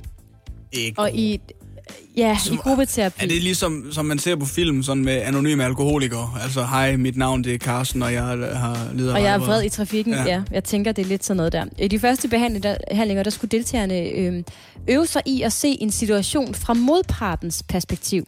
Altså forstå, at modparten ikke har gjort noget øh, ondt mod dig med vilje. Og det kan jeg faktisk godt se, fordi nogle Mm. af de gange, hvor jeg er blevet sur på andre i trafikken, det er, når de ikke har været venlige mod mig. Forstår du? Hvis jeg lige har tænkt, jeg kan godt lige klemme mig ind her, Ja. fordi jeg har brug for at skifte vejbane nu, så jeg, jeg gør det lige øh, her, og så, og så øh, dytter øh, vedkommende bag mig, mig, fordi jeg har mast mig ind, og så tænker jeg, ej, så tag dig lidt hensyn, eller så vis dig dog fra din gode side, ikke? Altså, så, så hvor jeg bare sådan, okay, det er måske også mig, der kører lidt hasarderet apropos tidligere, ikke? Jo. Så man skal simpelthen øve sig i øh, at forstå, at modparten måske ikke altid øh, ved, det, ved, der, ved der det værste. Og i den anden øvelse skulle de simpelthen lære at konflikthåndtere, altså redde en situation fra at eskalere. Lige tælle til 10, lige tænke, hov, nu er jeg i gang med noget vejvrede, har jeg ikke noget øh, andet øh, at, at bekymre mig om, skulle jeg ikke lige øh, finde en god sang på radioen i stedet for? Ja, okay. jo, men det virker jo meget nemt, når man ridser det op sådan her. Så Jamen, bliver det man, det, og det så kan man ikke lade være med at grine selv. Fordi Det er at, faktisk lidt irriterende. når man ja. sidder i momentet, så har man bare lyst til at råbe, dit. Åh, du er ja, noget, jeg ikke vil sige. Ja, men prøv at høre, projektet viser altså, at, øh, at det virker. Se situationen fra de andre bilisters synspunkt, og være bedre til at konflikthåndtere tag dig selv i, at nu er du i gang med at hisse dig op over noget, som der måske ikke er så stemt. Så sæt noget dejlig musik på, nød en sang, tæl til 10. På den måde bliver man altså mindre vejvred i det daglige, ikke? Det du kender, det du vil vide. Morgen på Radio 100. Vi har ikke kunnet øh, gå i biografen i næsten to måneder nu, og det betyder altså, at filmbranchen i hele verden øh, lider ret så meget lige nu. Og det har fået betydning for næste års Oscar-uddeling. Ja, for som noget ret usædvanligt, helt usædvanligt faktisk, så vil Oscar Akademiet tillade film, der kun er frigivet på streamingtjenester, at blive kvalificeret til næste års uddeling. Indtil nu har reglerne været sådan, at en film har skulle være vist i en biograf i Los Angeles tre gange om dagen i mindst en uge for at kunne kvalificere sig. Ja, godmorgen Martin Blikker. Godmorgen. Nyhedsvært her på kanalen, og også øh, filmanmelder og filmnørd, hvis jeg må være så fri. Og det må du. Og, ja, og det er godt. Og først og fremmest, altså, øh, har du fået øh, biografabstinenser efterhånden? Du er jo vant til at, at gå ind og se den ene film efter den anden. Helt vildt. Jeg plejer at gå i biografen mellem to og fire gange om ugen, så øh, jeg vil sige, jeg mangler det lidt. Ja, det kan jeg godt forstå. Hvad gør, ser du så en masse film derhjemme i stedet for? Det gør jeg også. Jeg ser omkring to film om dagen. Hold da op. ja, det er cirka ligesom os andre. Ja. Men prøv at høre, øh, Martin Blikker. Hvad tænker du om øh, Oscar Akademiets ændringer her? Altså om også at tillade streamingfilm at blive nomineret til næste års øh, award? Men altså, jeg synes egentlig, det er fint nok, at man gør det, fordi der er mange, som du også selv siger, der er mange selskaber, der lider lige nu. For eksempel Universal, som netop har udgivet en film på stream, der hedder Trolls World Tour. De har simpelthen været nødt til det, fordi de har været så hårdt ramt økonomisk set. De har haft to kæmpe flop lige inden coronakrisen ramte, så derfor har de været nødt til at få den her film ud af døren, så de kunne tjene nogle penge. Men samtidig så vil de jo også gerne ja, stille op i Oscar-nomineringerne. Det kan man jo godt forstå, det er jo en flot film. Så, så derfor synes jeg, det, det er fint, at Oscar-akademiet går ind ligesom og tager højde for det her. Men sådan helt konkret, Martin, hvad kommer det her til at, at betyde for næste års Oscar-uddeling? Jamen altså, det kommer konkret til at betyde det, at der er kommet nogle nye regler, som du også selv siger. Det betyder egentlig, at nu siger man jo bare, at det er de film, der ligger på streamingtjenesterne, og det er ikke helt rigtigt. Okay. Fordi det er sådan, at de film, der bliver lagt op på streamingtjenesterne, de skal have haft det, der hedder en planned theatrical release. Så det vil sige, filmene, som bliver lagt op, de skal have stået til at skulle køre i biograferne på et eller andet tidspunkt. Okay. Fordi ellers så kan de ikke komme med i nomineringerne. Så det, man skal sådan have, have skrevet sin film op til, jamen det var meningen, den her skulle være vist i hvert fald. Lige præcis. Og det er jo noget mange gange, de, altså noget af det første, der bliver skrevet ned på et stykke papir, når man ja, planlægger en film, det er faktisk release-datoen. Og det passer faktisk rigtig tit øh, med lige præcis derfor, man sætter den. Det er ret Men interessant. så, så var der vel ikke rigtig noget alternativ for øh, Oscar-akademiet andet end at gøre det her? Fordi ellers så var der vel ikke rigtig nogen film at nominere næste år, i og med, at vi ikke kan komme i biografen øh, nu, og formentlig ikke kommer det i et stykke tid. Ja, men altså, man ved det ikke rigtigt, fordi i USA lige nu, der siger man jo, at man måske vil prøve at åbne biograferne op i juni eller juli, og så siger man, at de her regler, som man har etableret nu, de frafalder, hvis det er tilfældet. Men man ved det jo reelt ikke. Man har jo ingen idé om, hvordan situationen udfolder sig. Men man kan i hvert fald sige, at der er mange, der så siger, at er det så HBO eller er det Netflix, som kommer til at løbe med alle priserne? Ja. Og der kan man sige, at det er faktisk dem, der står til at blive hårdest ramt. Fordi netop HBO og Netflix, jamen, de kommer ikke med det, der hedder planned theatrical release. Det, de mange gange har kørt med, det er det, der hedder en limited release. Det vil sige, de går ud til en biograf. Øh, For eksempel The Irishman sidste år, det gik de ud i august og annoncerede, at man havde planlagt 27 dage i en biograf. Så den var ikke planlagt, det var noget relativt spontant. Okay. Så på trods af, altså, at man siger, at vi tager øh, film fra streamingtjenester ind, så er det dem, der kommer til at blive hårdest ramt af det, af det du siger. Ja, som det ser ud lige nu i hvert fald. Det er jo øh, Hvis- noget anderledes, end jeg regner med. Ja. Hvis, altså, hvis man nu øh, gerne vil støtte filmen øh, og sørge for, at der også er øh, producent, altså, eller selskaber, der kan lave film efter den her coronakrise, Martin Blikker, hvad kan man så gøre? Fordi man kan jo ikke gå i biografen og, og købe billetter. Jamen, der er jo flere forskellige ting, man kan gøre. Man kan jo for eksempel ja, oprette en bruger på en streamingtjeneste. Det er jo en ting, man kan gøre. Men det andet, det er jo selvfølgelig også at støtte de her video-on-demand-film, som er lidt dyre. Det vil jeg godt medgive. De koster nogle gange 180 kroner eller sådan noget. Og det er jo lidt mange penge, men man er vant til, når man nu kan få tingene gratis. Men det er i hvert fald en måde, man kan støtte det på. Og ellers så er der også en online filmfestival, der hedder We Are One. Og det er simpelthen, det er Cannes, det er Venedig, det er Toronto, det er alle de store filmfestivaler, der er stået så slået sammen med YouTube. Hmm. Og så opretter de en gratis filmfestival med alle de film, eller mange af de film i hvert fald, som skulle have været sendt på de her festivaler. Og der kan man så donere øhm, til coronavirus, men også til øh, branchen. Jamen Martin Blikker, altså filmanmelder, filmnørd, nyhedsvært her på kanalen også. Uh, tak for lige at få det klarlagt, for mig i hvert fald, at det ikke var som jeg troede uh, med hensyn til det her. Jamen, det var da slet. Morgen på Radio 100. Hjælp en, du holder af med at tage det første skridt til bedre hørelse. Få et gratis og uforpligtende hørebesøg af Audionovas mobile hørecenter. Så klarer vi det hele ved første besøg, tryk dig nemt i eget hjem. Bestil et gratis hørebesøg på audionova.dk eller ring 70 60 66 66. Med Lasse Remmer, Anne Lavendt og Oliver Routledge. Anne Lavendt, jeg har jo lovet dig, at øh, vi skal til øh, denne torsdags udgave, og den sidste udgave i april af Hvad skal det koste? Ja, jeg har glædet mig meget, og det var fordi øh, sidste gang, der gættede Lasse, og jeg er jo fuldstændig forkert. Ja, det er blevet en tradition nu. Det er anden gang, øh, jeg gør det. Det er en quiz, hvor jeg har fundet et produkt, der er sat til salg. Så er det meget simpelt. Du får alle informationerne om dette produkt, så skal du gætte, hvad skal det koste. Ja. Og øh, det var dig og Lasse, er der konkurrerede i tirsdags. Ja, og det er jo privatpersoner, der sælger det her. Det er det. Så det, det, det er deres vurdering, det er deres mm. prissættelse, vi skal gætte. Lige præcis. efter. Ja. Og du vandt faktisk over Lasse, på trods af, at han har et, eller har været på et tv-program, som handler om at gætte priser Gæt på, priser på ting. noget. Ja. ja. Og så var det jo, Lasse han desværre ikke er med os i dag, grundet sygdom. Men jeg tænkte, du, skal jo, du kan jo ikke bare gætte mod dig selv. Det, altså, det kunne jeg godt have levet med. Så Ja, men det- det ville have været for nemt. for at vinde igen, ikke? Ja. Så derfor, så skal vi nu sige, godmorgen, Clara. Godmorgen. Hej, Det er jo en Clara. stemme, du godt kan Hej, genkende, hej. Anne.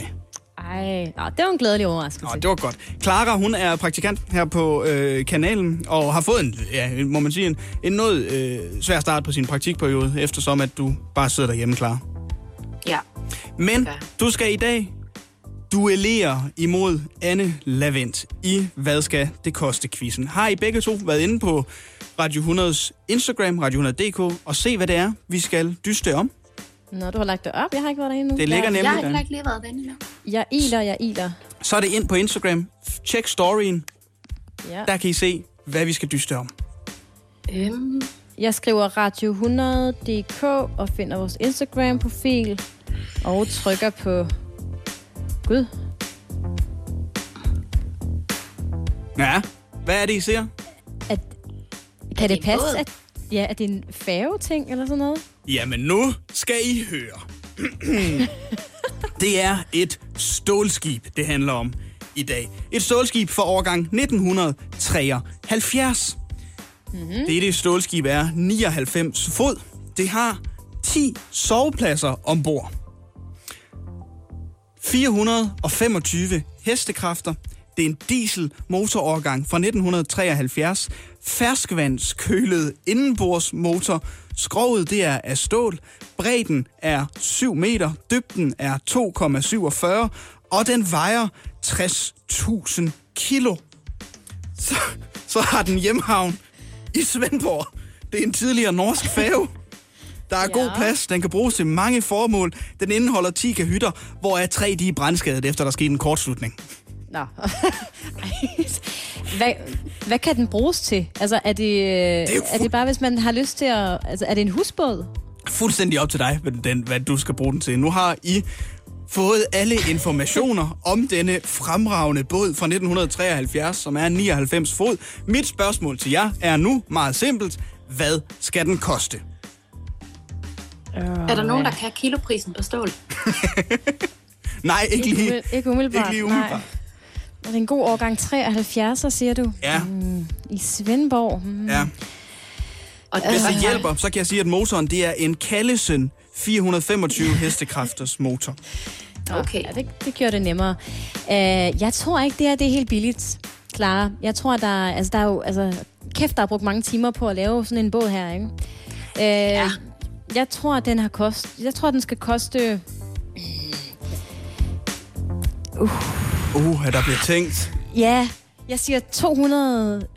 210.000 kroner. Okay, det er dyrt. Ja.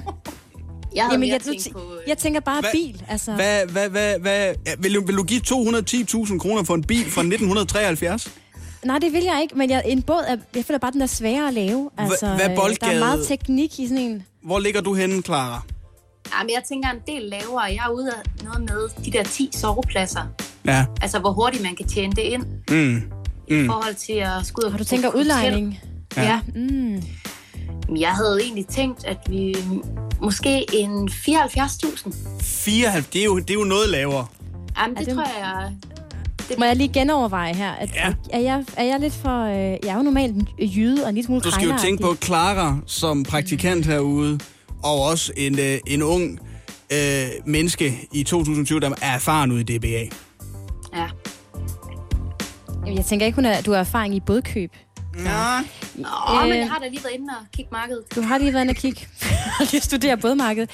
Ej, jeg vil gerne holde fast i... Øh, så siger jeg 205.000. Jeg går ned med 5. 205.000. Jamen, nu skal I høre. Stålskibet på 99 fod med de 10 sovepladser, hvor af tre af dem er brandskadet efter en kortslutning, og med de 425 hestekræfter skal koste 325.000 kroner. Åh, oh, ej. Hun er det dyrt. Hvad foregår der? Den, den er brandskadet. Så altså, jeg synes, Der er stadig syv sovepladser tilbage. ja, der er stadig syv sovepladser tilbage, som man kan køre hotel på, hvis det er det, man har lyst til. Men Anne, 2-0 alligevel. Altså, det er... Jeg synes, øh, at den her konkurrence indtil videre har lært mig, at man altid lige skal byde lidt højere, end man øh, umiddelbart lige vil have gættet på. Ja, folk Det vil have mig. også. det gjorde du. Med de 75.000. Ja. Folk de har meget øh, høje forventninger til, hvad deres ting er værd, åbenbart. Hvad, Jamen, meget, det- hvad er det, du sagde? 300 hvad? 1000? 325.000 kroner. 325.000. Ah, Okay. Ja. Men Der den er jo også 99 fod, skal vi huske, ikke? Ja, og hjemhavnen. Svendborg. Fod. Hjemhavn er i Svendborg. Uh, det er det, man måler både i, klar. Um, um, det, Og der kan man jo høre, hvor skibskyndig du er, Oliver Routledge. uh, Ah, men, øh, ved du hvad, vi hører lige noget af Adam Lambert, så skal jeg nok fortælle dig, hvor meget en fod er. Og det er ikke, fordi jeg skal google, det er bare, fordi vi, vi er simpelthen nødt til at spille noget musik nu. Ja. Det er jo... Men tak for deltagelsen, Clara. Det er dejligt. En værdig modstander. jeg er altid tak for... Ja, det er godt. Du er velkommen næste gang også. Morgen på Radio 100 med Lasse Remmer, Anne Lavendt og Oliver Routledge. I går kl. 16.30, Lasse og Oliver, der blev der indkaldt til pressemøde. Ikke af statsministeren den her gang, men af PET og Københavns politi foran politigården i København. Som det fremgår af vores øh, indkaldelse til pressebriefingen, så er baggrunden for det her, at PET og Københavns politi her i dag i København har gennemført en anholdelses- og rensagensaktion. Ja, lidt dårlig lyd, men årsagen til, at de holdt pressemøde i går, er ret uhyggelig, nemlig at øh, de to, PET og Københavns politi, i samarbejde simpelthen har afværget et forsøg øh, på terror med islamistisk øh, initiativ, eller øh, islamistisk motiv.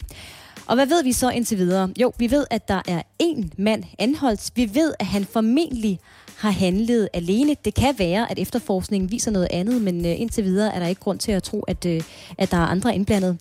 Han er sigtet efter terrorparagrafen, og han vil blive fremstillet i grundlovsforhør øh, senere i dag for lukkede døre. Det vil sige, at vi formentlig kommer til at kende hans identitet, fordi sagen trods alt ikke bliver kørt for dobbelt lukkede døre, men det er stort set også det eneste, vi får at vide. Så ved vi, at han har forsøgt at anskaffe sig ammunition og skydevåben, og hans mål var muligvis civile og politi. Og så øh, kan jeg fortælle, at nogle af medierne har gravet frem, at den sigtede formentlig, og, altså der er virkelig meget formentlig og muligvis og angiveligt her, ikke? men han er formentlig har været kendt af politiet i forvejen, men altså ikke i forbindelse med det, han er sigtet for nu, nemlig terror. Han har været kendt for nogle andre ting. Altså, fik jeg, hvor, hvor, hvor ville han sl- have slået til? Altså, hvilke mål havde han i sigte?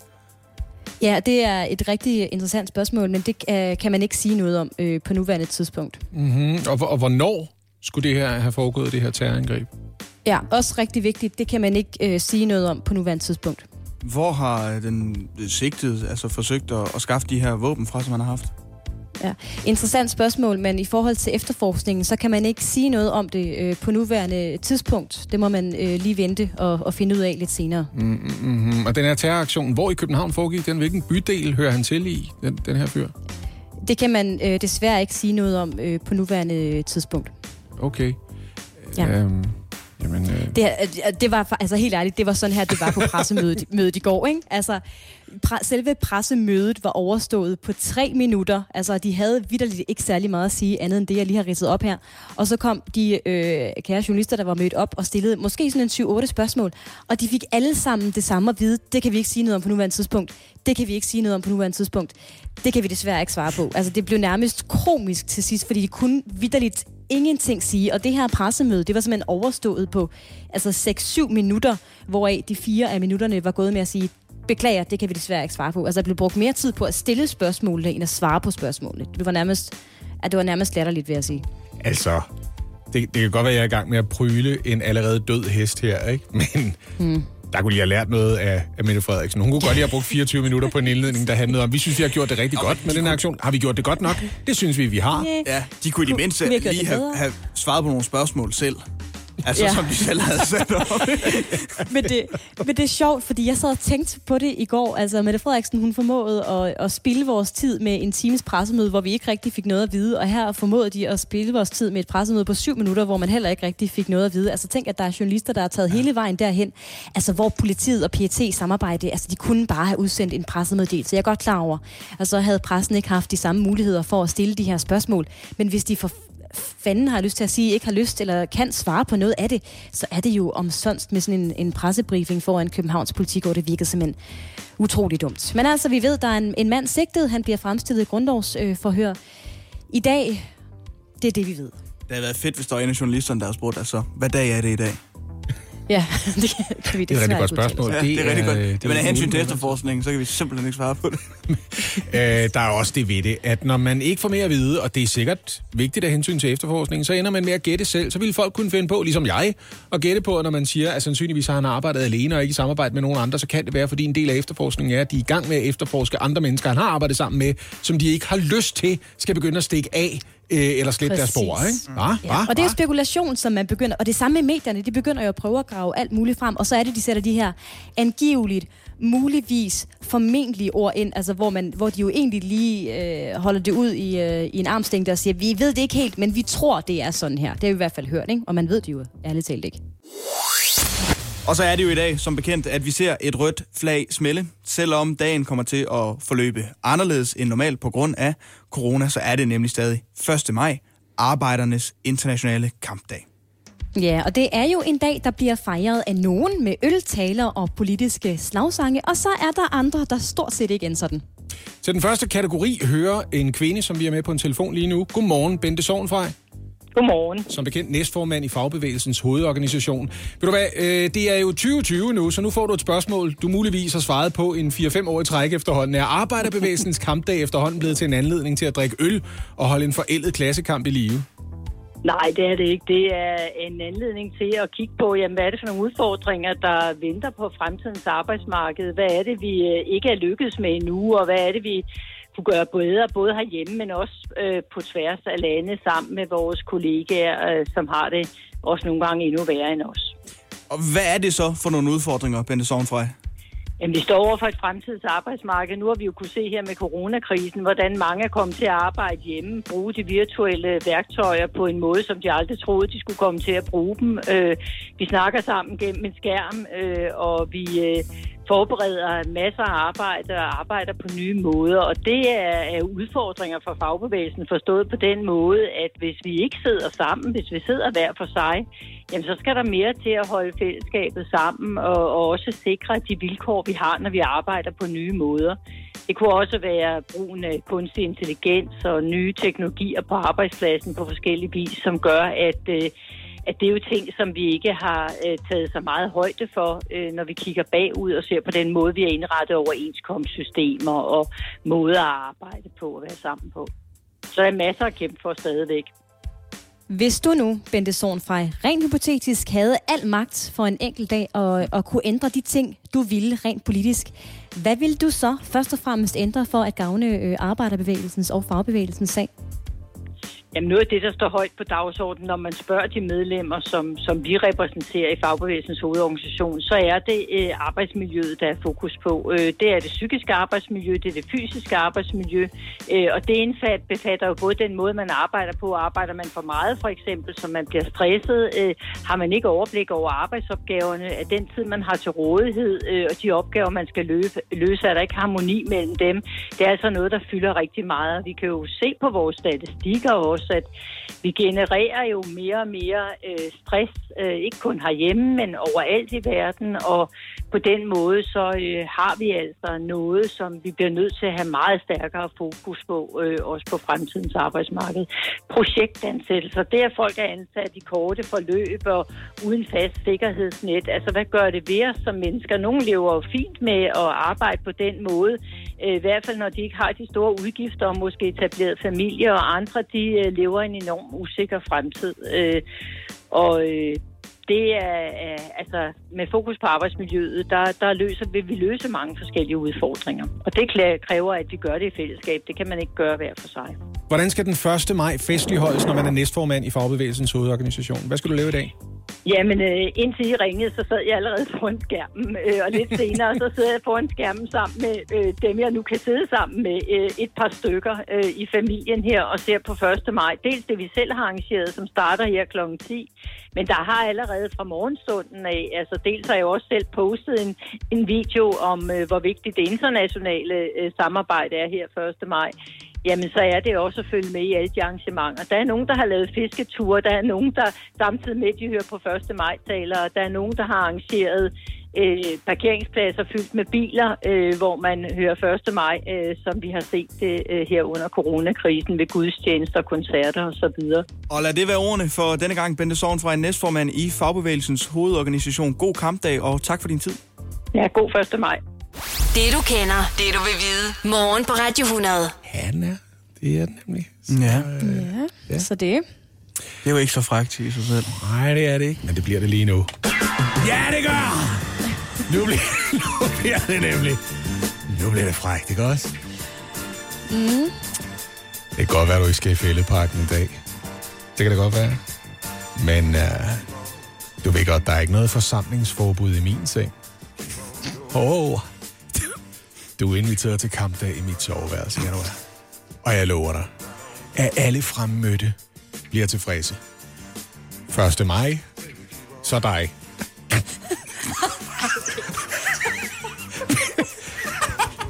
Ja, hvis du giver en øl, så giver jeg en pølse. Du ved, hvad jeg mener. Det bliver ikke kun de røde flag, der smelter i dag. Nej, jeg gør det her Mette Frederiksen-style. Først lidt forspil på 24 minutter, hvor jeg fortæller dig, hvor godt det her det kommer til at blive, hvor dygtig jeg allerede har været. Og så går vi i gang. Er, det, er du min lille arbejder? Er du det? Kunne du godt tænke dig at blive udbyttet godt og grundigt? Åh, jeg skal sørge for, at dine baller de bliver rødere end en solskoldet Pernille Skipper, der er taget til faste lavn som ketchup-elskende indianer med forhøjet blodtryk. Åh oh, ja. Du, du kender opskriften. Du ved, hvordan det bliver. Det er old school arbejderstyle på mine laner. Først 8 timers arbejde, før du har fortjent 8 timers hvile. Og hvis du er rigtig heldig, så slutter det hele af med, at jeg deler mit overskud med dig. Ja, der er økonomisk og seksuel demokrati i mit soveværelse. God 1. maj. Nej, er der frække nyheder hver, hver fredag på Radio 100. Æ, øh, jeg tænkte, vi skal alle sammen noget andet. Ikke? Vi skal passe vores arbejde. Vi kan jo ikke sove rundt i det her hele dagen, vel? Ej. Så og jeg har det bedre lige nu. Øh, hurtigt ind, hurtigt ud. Sådan er det altid med Lasse Remmer. Og, øh, og der er aldrig og jeg håber, det 23 også, minutters forskel. jeg håber, det var godt, jeg for jer. Og jeg har det allerede bedre. Altså, øh, Uh, men ja, jeg skal have en cigaret nu. jeg må også indrømme, det er en uge siden sidst, så, øh, så, så har jeg lidt svært ved lige at holde igen. Ah. Giv mig lige en chance for at rulle om på den anden side og få en lur, ikke? Og, øh... Du skal ikke røre ved mig. Nej, nej, nej, nej, ikke rør, ikke rør. Ikke rør lige nu. Tag lige noget af det håndsprit, der står i studiet, ikke? Altid over hele Fordi- kroppen. Ja, Smører jeg lige godt ind. for det er ordentligt. Ja. Og jeg kan ikke ind om en uge. I ved, hvordan det er. Og indtil da, der må I have en lille smule tålmodighed. Eller som Take That ville sige det. Lidt. Og patience. Wow. Ja, var det ikke elegant, det her? Elegant. Frækt og elegant. Ja, Lasse tak skal I have.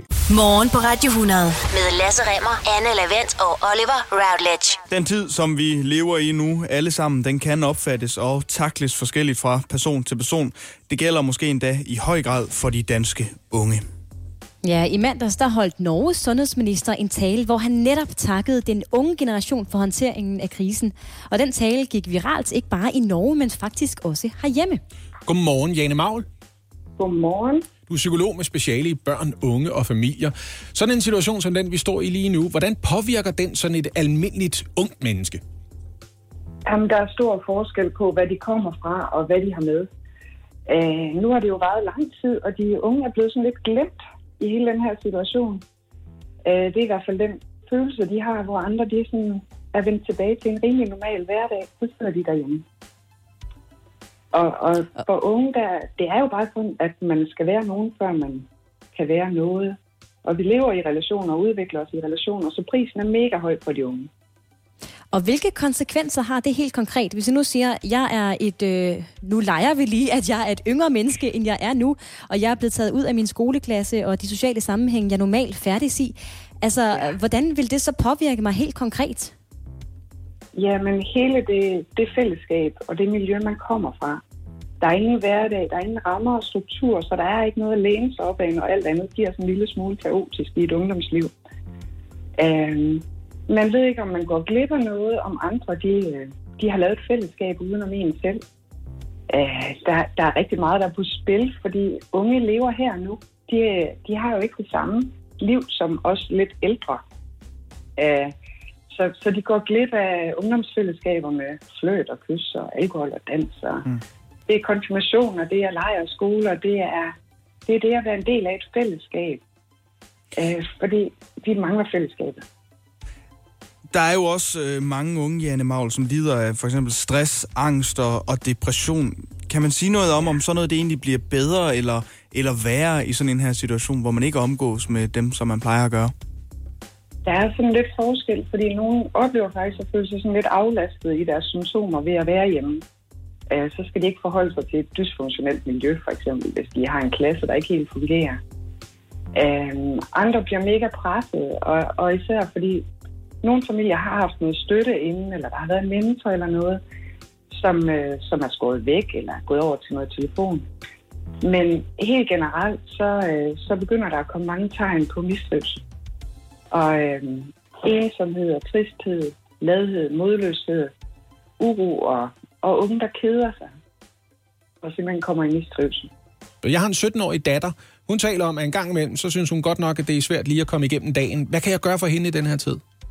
Du kan hjælpe hende med at have nogle fællesskaber, selvom de ikke øh, kan foregå, som hun plejer.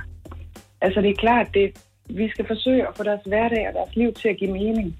Fordi lige nu, der, der har de mistet det hele. Øh, og en ting er, at man som 17-årig løsriver sig lidt fra sine forældre, og måske ikke synes, at er det mest cool at hænge ud med. Øh, men noget andet er, at, at hverdagen kan godt blive lidt meningsløs, når man sidder for sig selv og skal motivere sig selv til at, at lave sit hjemmestudie. Og, øh, og har man overhovedet et fællesskab? Får man, får man set nogle film over FaceTime sammen med vennerne, eller får, får drukket en øl der, eller Altså simpelthen forsøge at støtte op omkring og være en del af noget større, end at man sidder inde på sit værelse med sin lektie. Hvordan gør man så konkret det, det der med at støtte øh, i at, at bevare fællesskaberne og føle, at man er i kontakt med andre? Jamen, en ting er at forsøge at skabe et godt familiært fællesskab. Altså invitere ind i, i et fællesskab med nogle voksne. Fordi de kan faktisk godt være rimelig cool, selvom man er ung. Så kan man godt have nogle forældre, der faktisk er rare at være sammen med. Øh, men måske også opfordre til, hvad laver de andre? Kan I skabe noget? Altså, nu havde jeg lige en ung i telefonen i går, hvor de har en fredagsbar øh, online, øh, som de har lavet hele klassen sammen hver fredag. Og det synes jeg er mega hyggeligt. Så kan man være en del af noget, selvom det er digitalt og på afstand. Den her tristhed og ensomhed, og, og at det hele det er sådan lidt noget lort, det er altså en normal reaktion på en fucked up situation. Vi lever i relationer, lød det altså fra Janne Maul. Du er psykolog med speciale i børn, unge og familier. Tusind tak for din tid her i morgen på Radio 100. Det var en fornøjelse. Ja, velbekomme.